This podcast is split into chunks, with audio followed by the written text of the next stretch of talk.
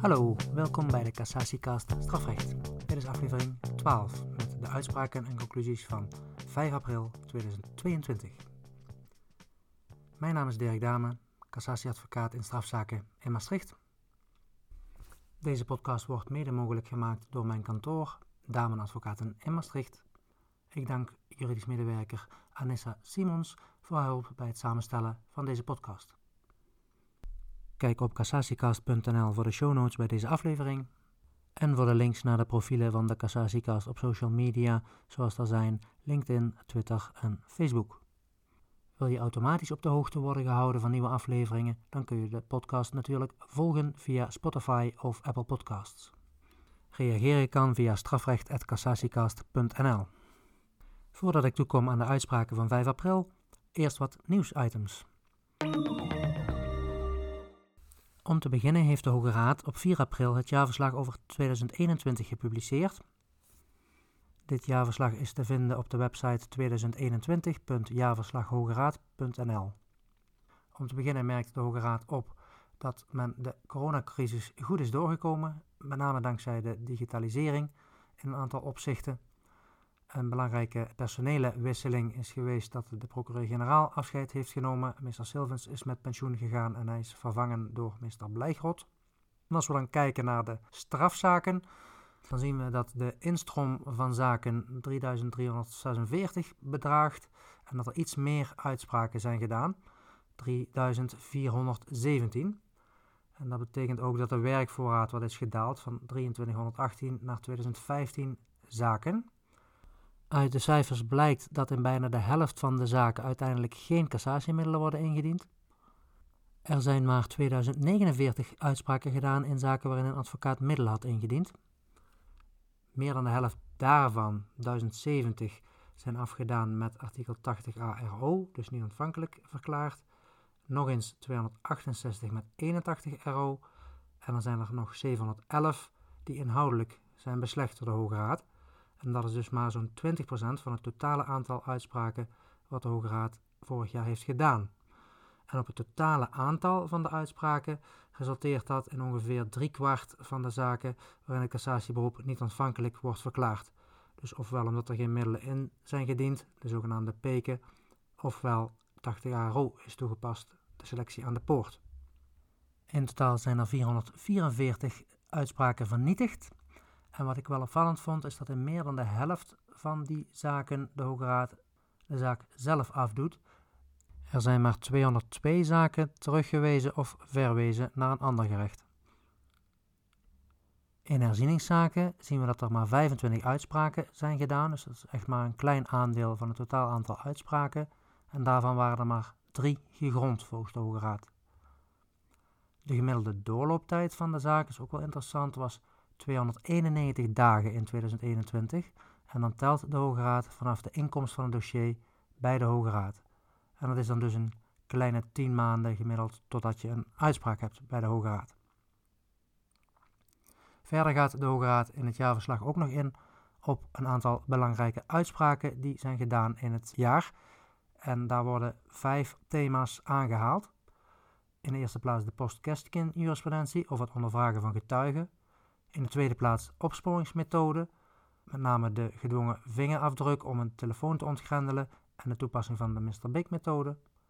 Het derde thema is grondrechten, bijvoorbeeld als het gaat om de motivering van de voorlopige hechtenis en ook het aanwezigheidsrecht van de verdachte op de zitting. Het vierde thema is de minder Marokkanen uitspraak. En tot slot het vijfde thema en dat is bijzondere voorwaarden in zedenzaken. Bij voorwaardelijke straffen in zedenzaken wil de nog wel eens bepaalde bijzondere voorwaarden opleggen die een beetje de grens opzoeken, die niet al te duidelijk afgebakend zijn en die toch ingrijpend zijn voor de veroordeelde. En daar heeft de Hoge Raad dus wat eh, kritische arresten over gewezen in 2021. Tot zover het jaarverslag van de Hoge Raad. De procureur-generaal bij de Hoge Raad heeft deze week aangekondigd dat hij voornemens is cassatie in het belang der wet in te stellen in een zaak over procesafspraken tussen het OM en de verdediging. In 2019 kondigde het OM al aan strafzaken sneller te willen afhandelen door procesafspraken te maken met de verdediging.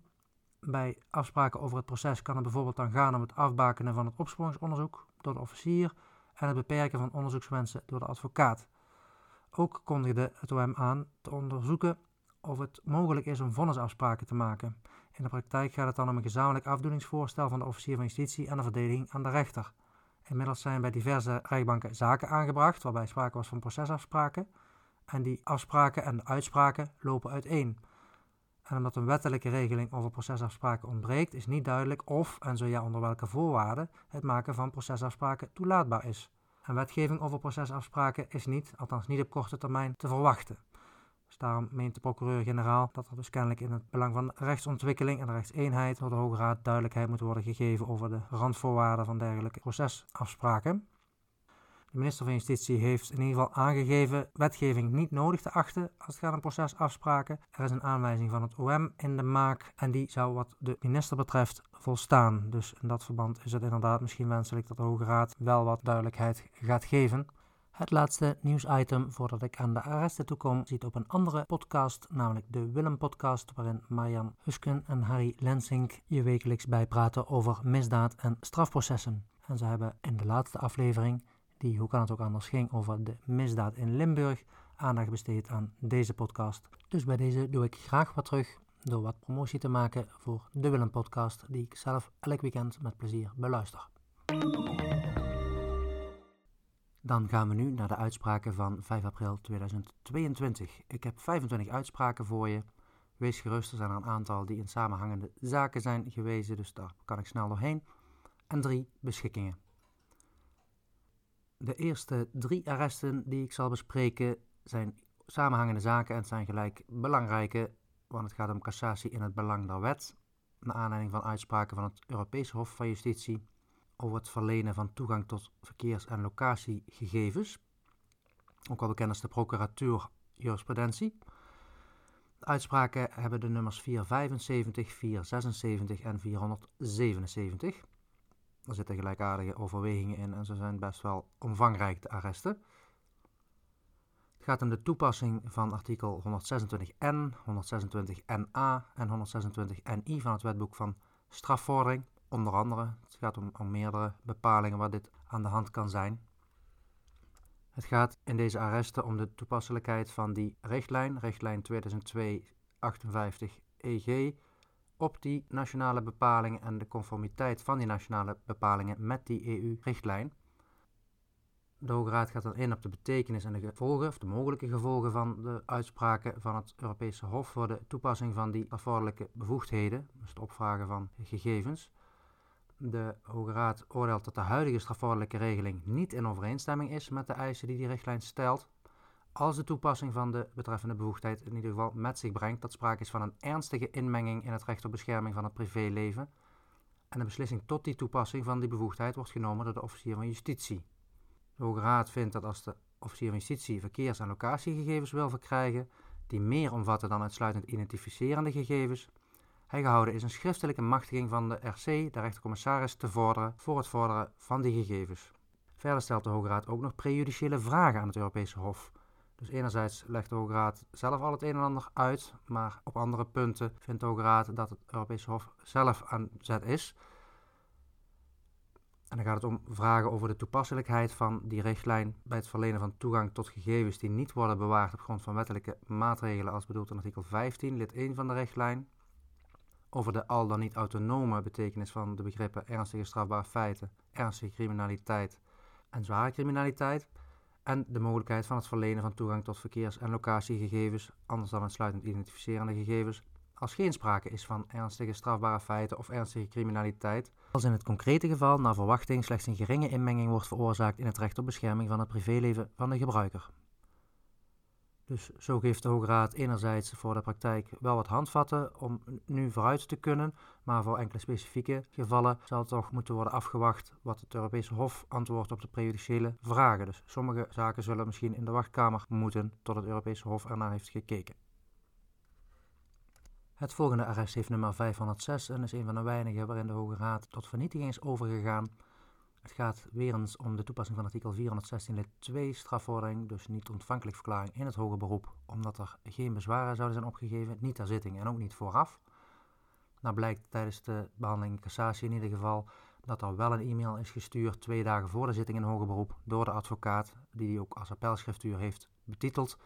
En dat was voor de advocaat-generaal al reden om te concluderen tot vernietiging, omdat de aan de cassatieschriftuur gehechte stukken grond bieden voor het ernstige vermoeden dat namens verdachte voor het onderzoek ter terechtzitting een schriftuurhoudende grieve is ingediend.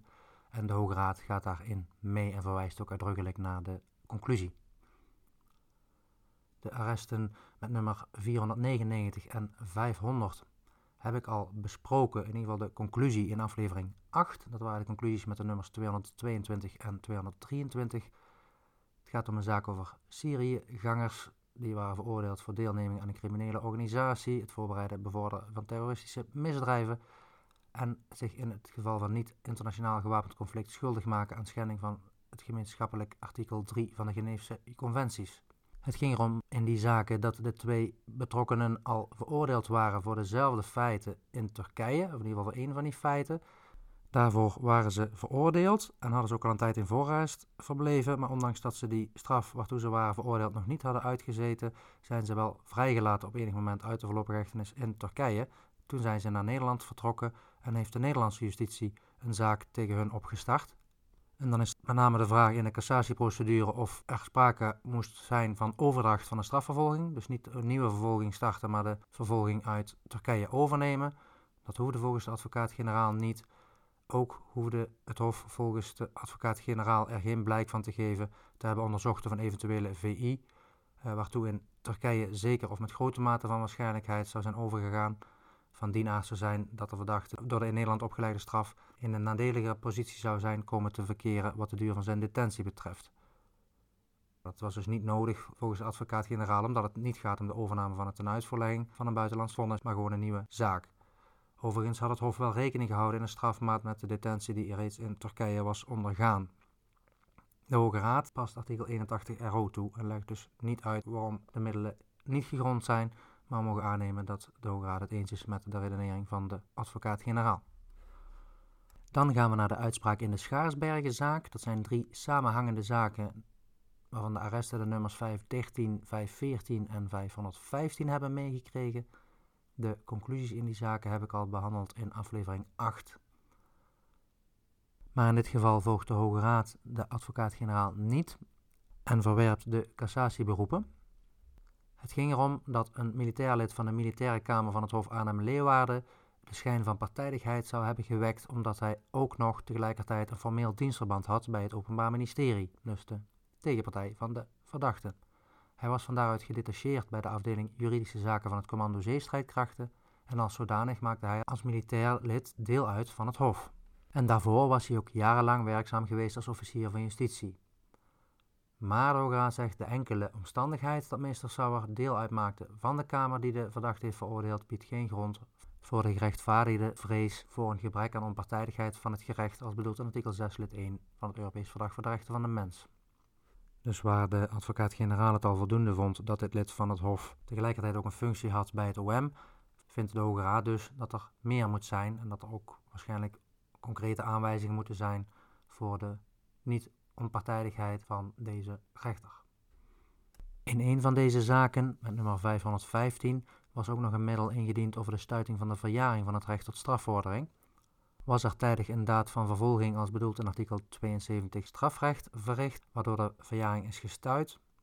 Het Hof vond dat wel het geval, want het Openbaar Ministerie had de voorzitter van de Militaire Kamer betrokken bij de zaak bij het planningsproces met het oog op het ter zitting aanbrengen van de strafzaak. En dat blijkt uit een e-mailbericht. En de Hoge Raad vindt dat dat oordeel niet getuigt van een onjuiste rechtsopvatting en ook niet onbegrijpelijk is. In de drie samenhangende zaken met de nummers 509, 516 en 17 gaat het om veroordelingen wegens mensensmokkel, valsheid in geschrift en deelname aan een criminele organisatie. Ook door een rechtspersoon in het geval van 509. Er zijn een aantal middelen ingediend, maar die worden allemaal door de Hoge Raad afgedaan met artikel 81 RO. Het gaat om middelen over grondslagverlating van het onder 3 en 4 ten laste gelegde. Daar was volgens de advocaat-generaal geen sprake van. Ook werd geklaagd over het niet betrekken van een deskundige rapportage bij de beraadslaging over het onder 3 en 4 bewezen verklaarde. De advocaat-generaal zegt, nou die deskundige rapportage is wel betrokken bij de beraadslaging. Ook enkele bewijsklachten worden nog ongemotiveerd verworpen. En op de schrifturen van de benadeelde partij slaat de Hoge Raad geen acht, omdat er niet conform het procesreglement ook na het binnenkomen van de per fax ingezonden schrifturen tijdig originele exemplaren zijn binnengekomen. Dus als je niet via het webportaal je schriftuur indient, moet je erop letten dat de per post verzonden versie ook echt binnenkomt bij de Hoge Raad. Dan krijg je meestal wel een brief over, maar in dit geval was er dus kennelijk niet tijdig op gereageerd. In de zaak met nummer 505 staat de bewijsminimumregel unus testis nullus testis, artikel 342 lid 2 strafvordering centraal. Het gaat om de overval op een horecagelegenheid, een snackbar, en is de vraag of het Hof ten onrechte de bewezen verklaring uitsluitend heeft gebaseerd op de verklaring van de aangeefster en of het Hof ten onrechte niet heeft gerespondeerd op een uitdrukkelijk onderbouwd standpunt met betrekking tot dat bewijsminimum, maar gelet op de door het Hof overgenomen overwegingen van de rechtbank, alsmede de feiten en omstandigheden zoals die naar voren komen uit de bewijsmiddelen, in het bijzonder de verklaring van de getuige dat de verdachte in de snackbar was, is het oordeel van het Hof dat de tot de bewijs gebezigde verklaring van de aangeefster voldoende steun vinden in het overige gebezigde bewijsmateriaal, zodat er geen sprake is van een schending van het bewijsminimum. Dat vindt de advocaat-generaal niet onbegrijpelijk en toereikend gemotiveerd en de Hoge Raad verwerpt met 81 RO. In de zaak met nummer 443 gaat het over een moord in Sint Maarten. Die conclusie heb ik al besproken in aflevering 8 en de Hoge Raad doet de zaak af met 81 RO ging om bewijsklachten over de voorbedachte raad met name. En daarin werd voor het bewijs van voorbedachte raad voldoende geacht dat de verdachte een afspraak met het slachtoffer had gemaakt met het doel hem van het leven te beroven omdat het slachtoffer zou moeten boeten voor de ruzie die hij de dag ervoor had gehad met de verdachte en de verdachte payback wilde. Het Hof heeft vervolgens ook geoordeeld dat de verdachte daarmee de gelegenheid heeft gehad om na te denken over de betekenis en de gevolgen van zijn voorgenomen daad en zich daarvan rekenschap te geven. En verder is het Hof van oordeel dat de verdachte op geen enkele wijze heeft gehandeld in een ogenblikkelijke gemoedstoestand en dat evenmin is gebleken van contra-indicaties ten aanzien van de voorbedachte raad. In de samenhangende zaken met de nummers 502, 503 en 504 ging het om oplichtingen en pogingen daartoe als het ging om onroerend goed dat door de slachtoffers te koop was aangeboden. Nummer 502 is de ontnemingszaak in die procedure. Daarin was geklaagd dat de toewijzing van de vordering tot ontneming berust op onjuiste gronden, omdat de grondslag van de uitspraak in de ontnemingszaak zou komen te vervallen als de middelen in de strafzaak doel zouden treffen.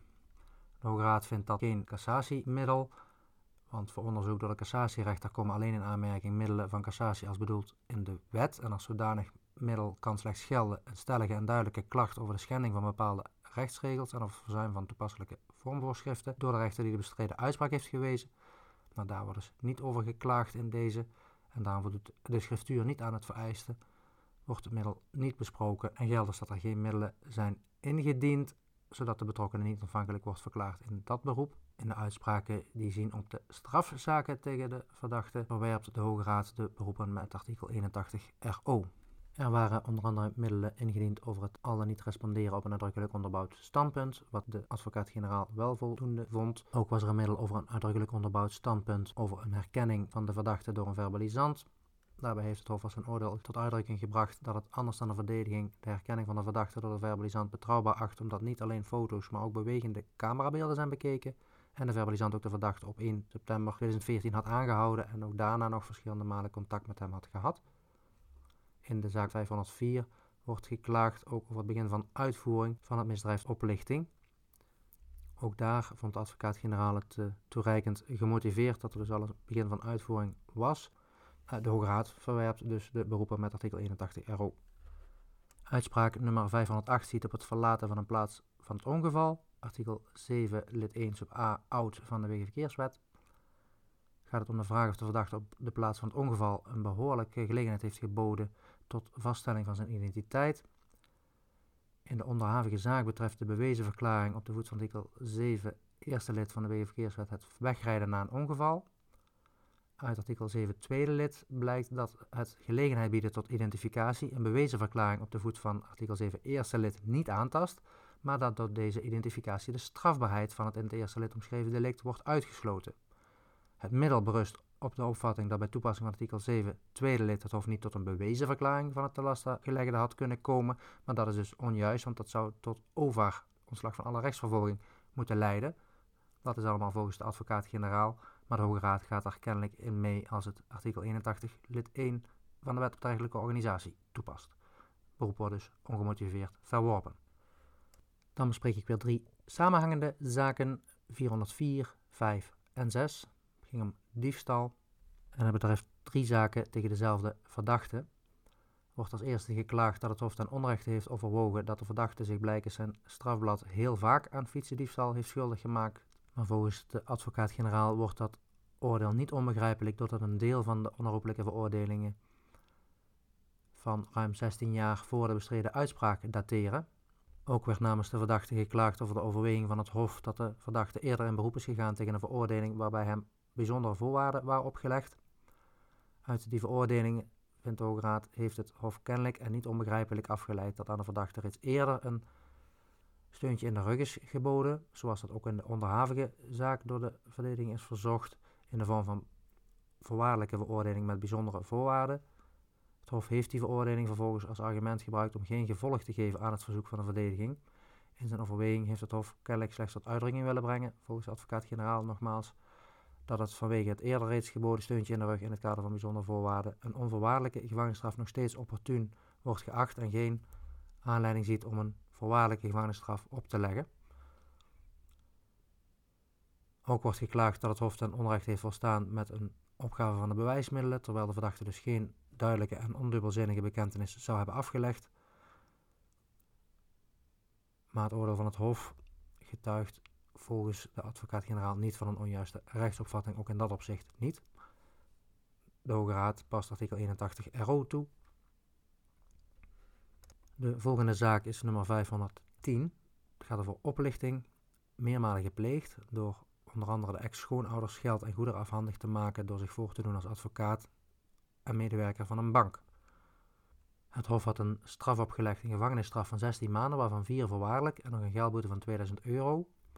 Het Hof had bij de strafmotivering betrokken dat de verdachte is veroordeeld voor telecomfraude en het plegen van deze strafbare feiten de verdachte erkennelijk niet van heeft verhouden door te gaan met het plegen van bewezen verklaarde feiten, terwijl die veroordeling nog niet onherroepelijk was ten tijde van het begaan van de feiten waarop de strafopleiding betrekking had.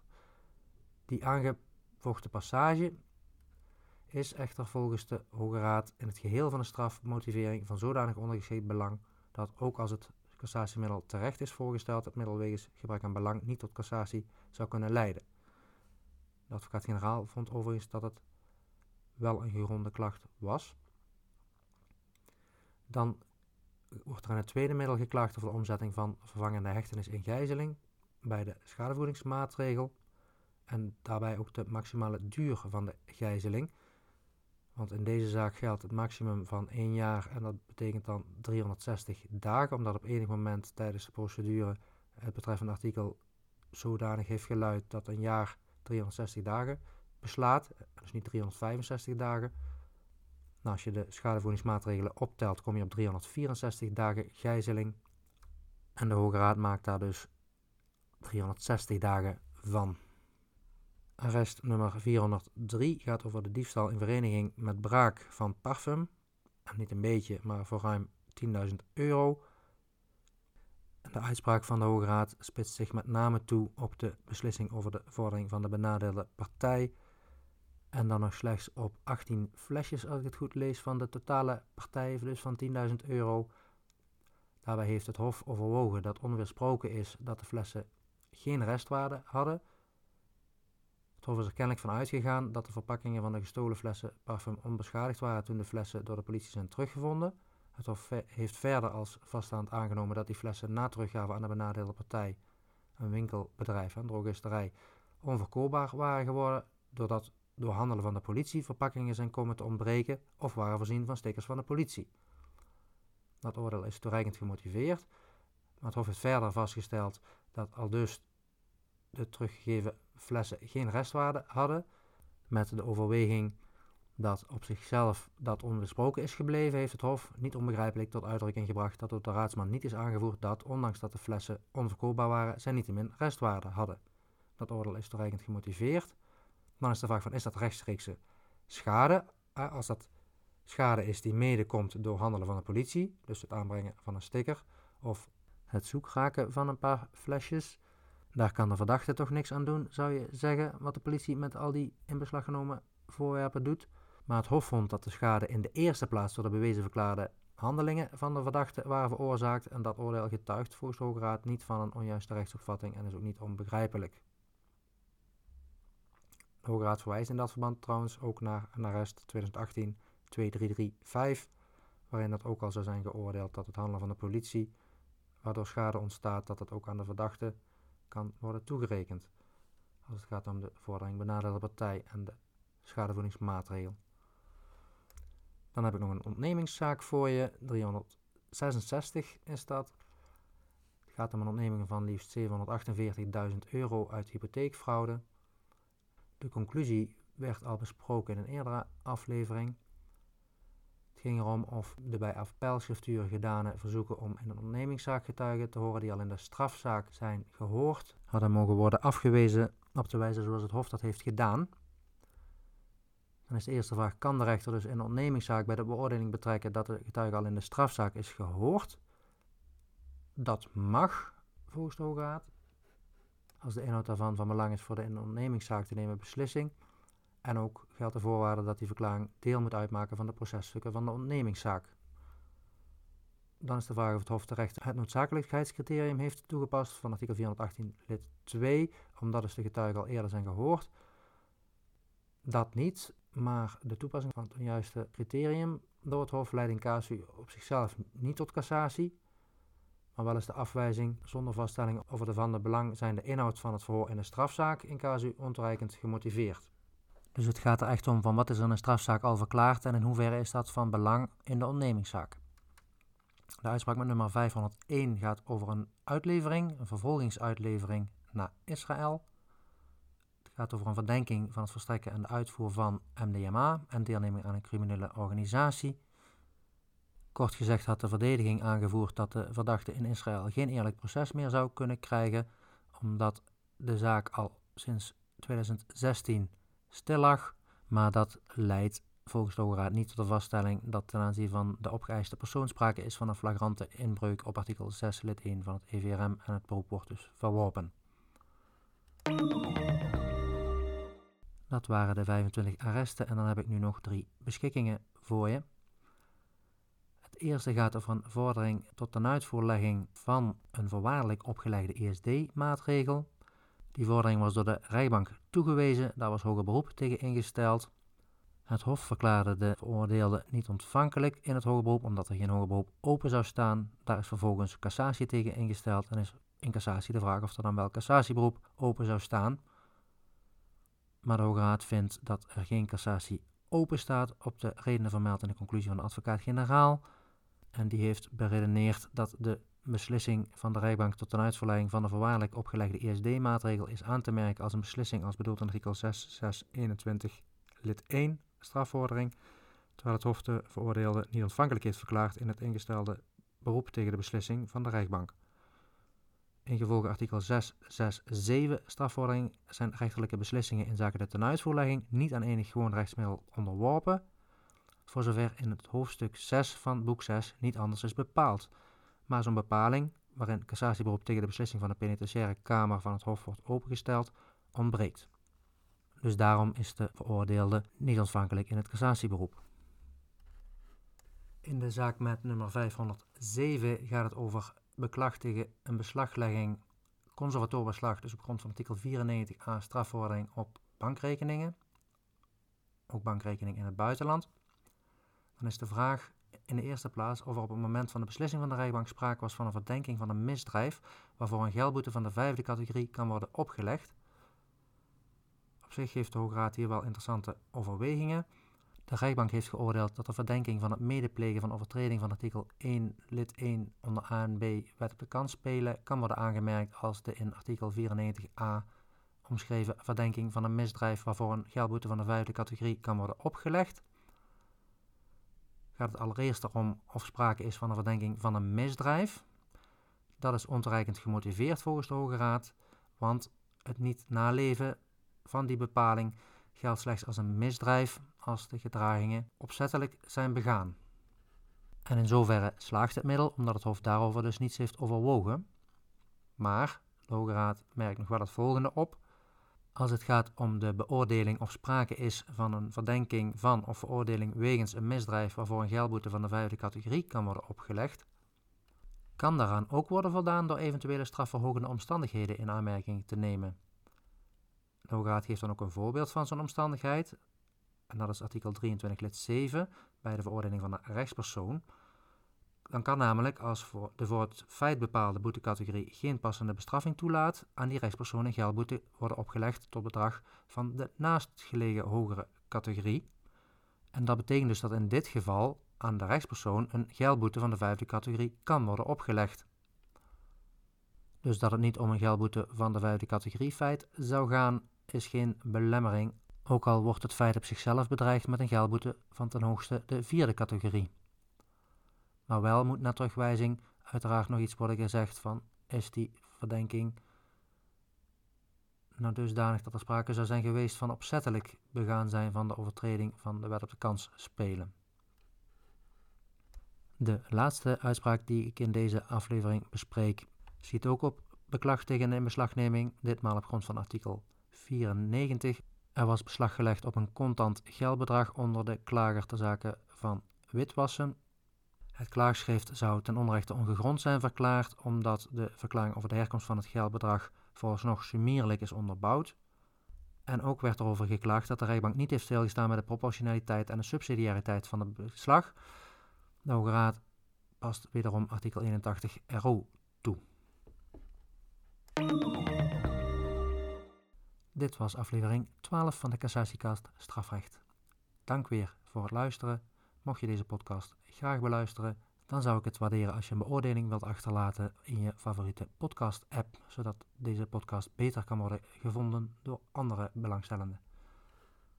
Graag tot volgende week, dan praat ik je graag weer bij.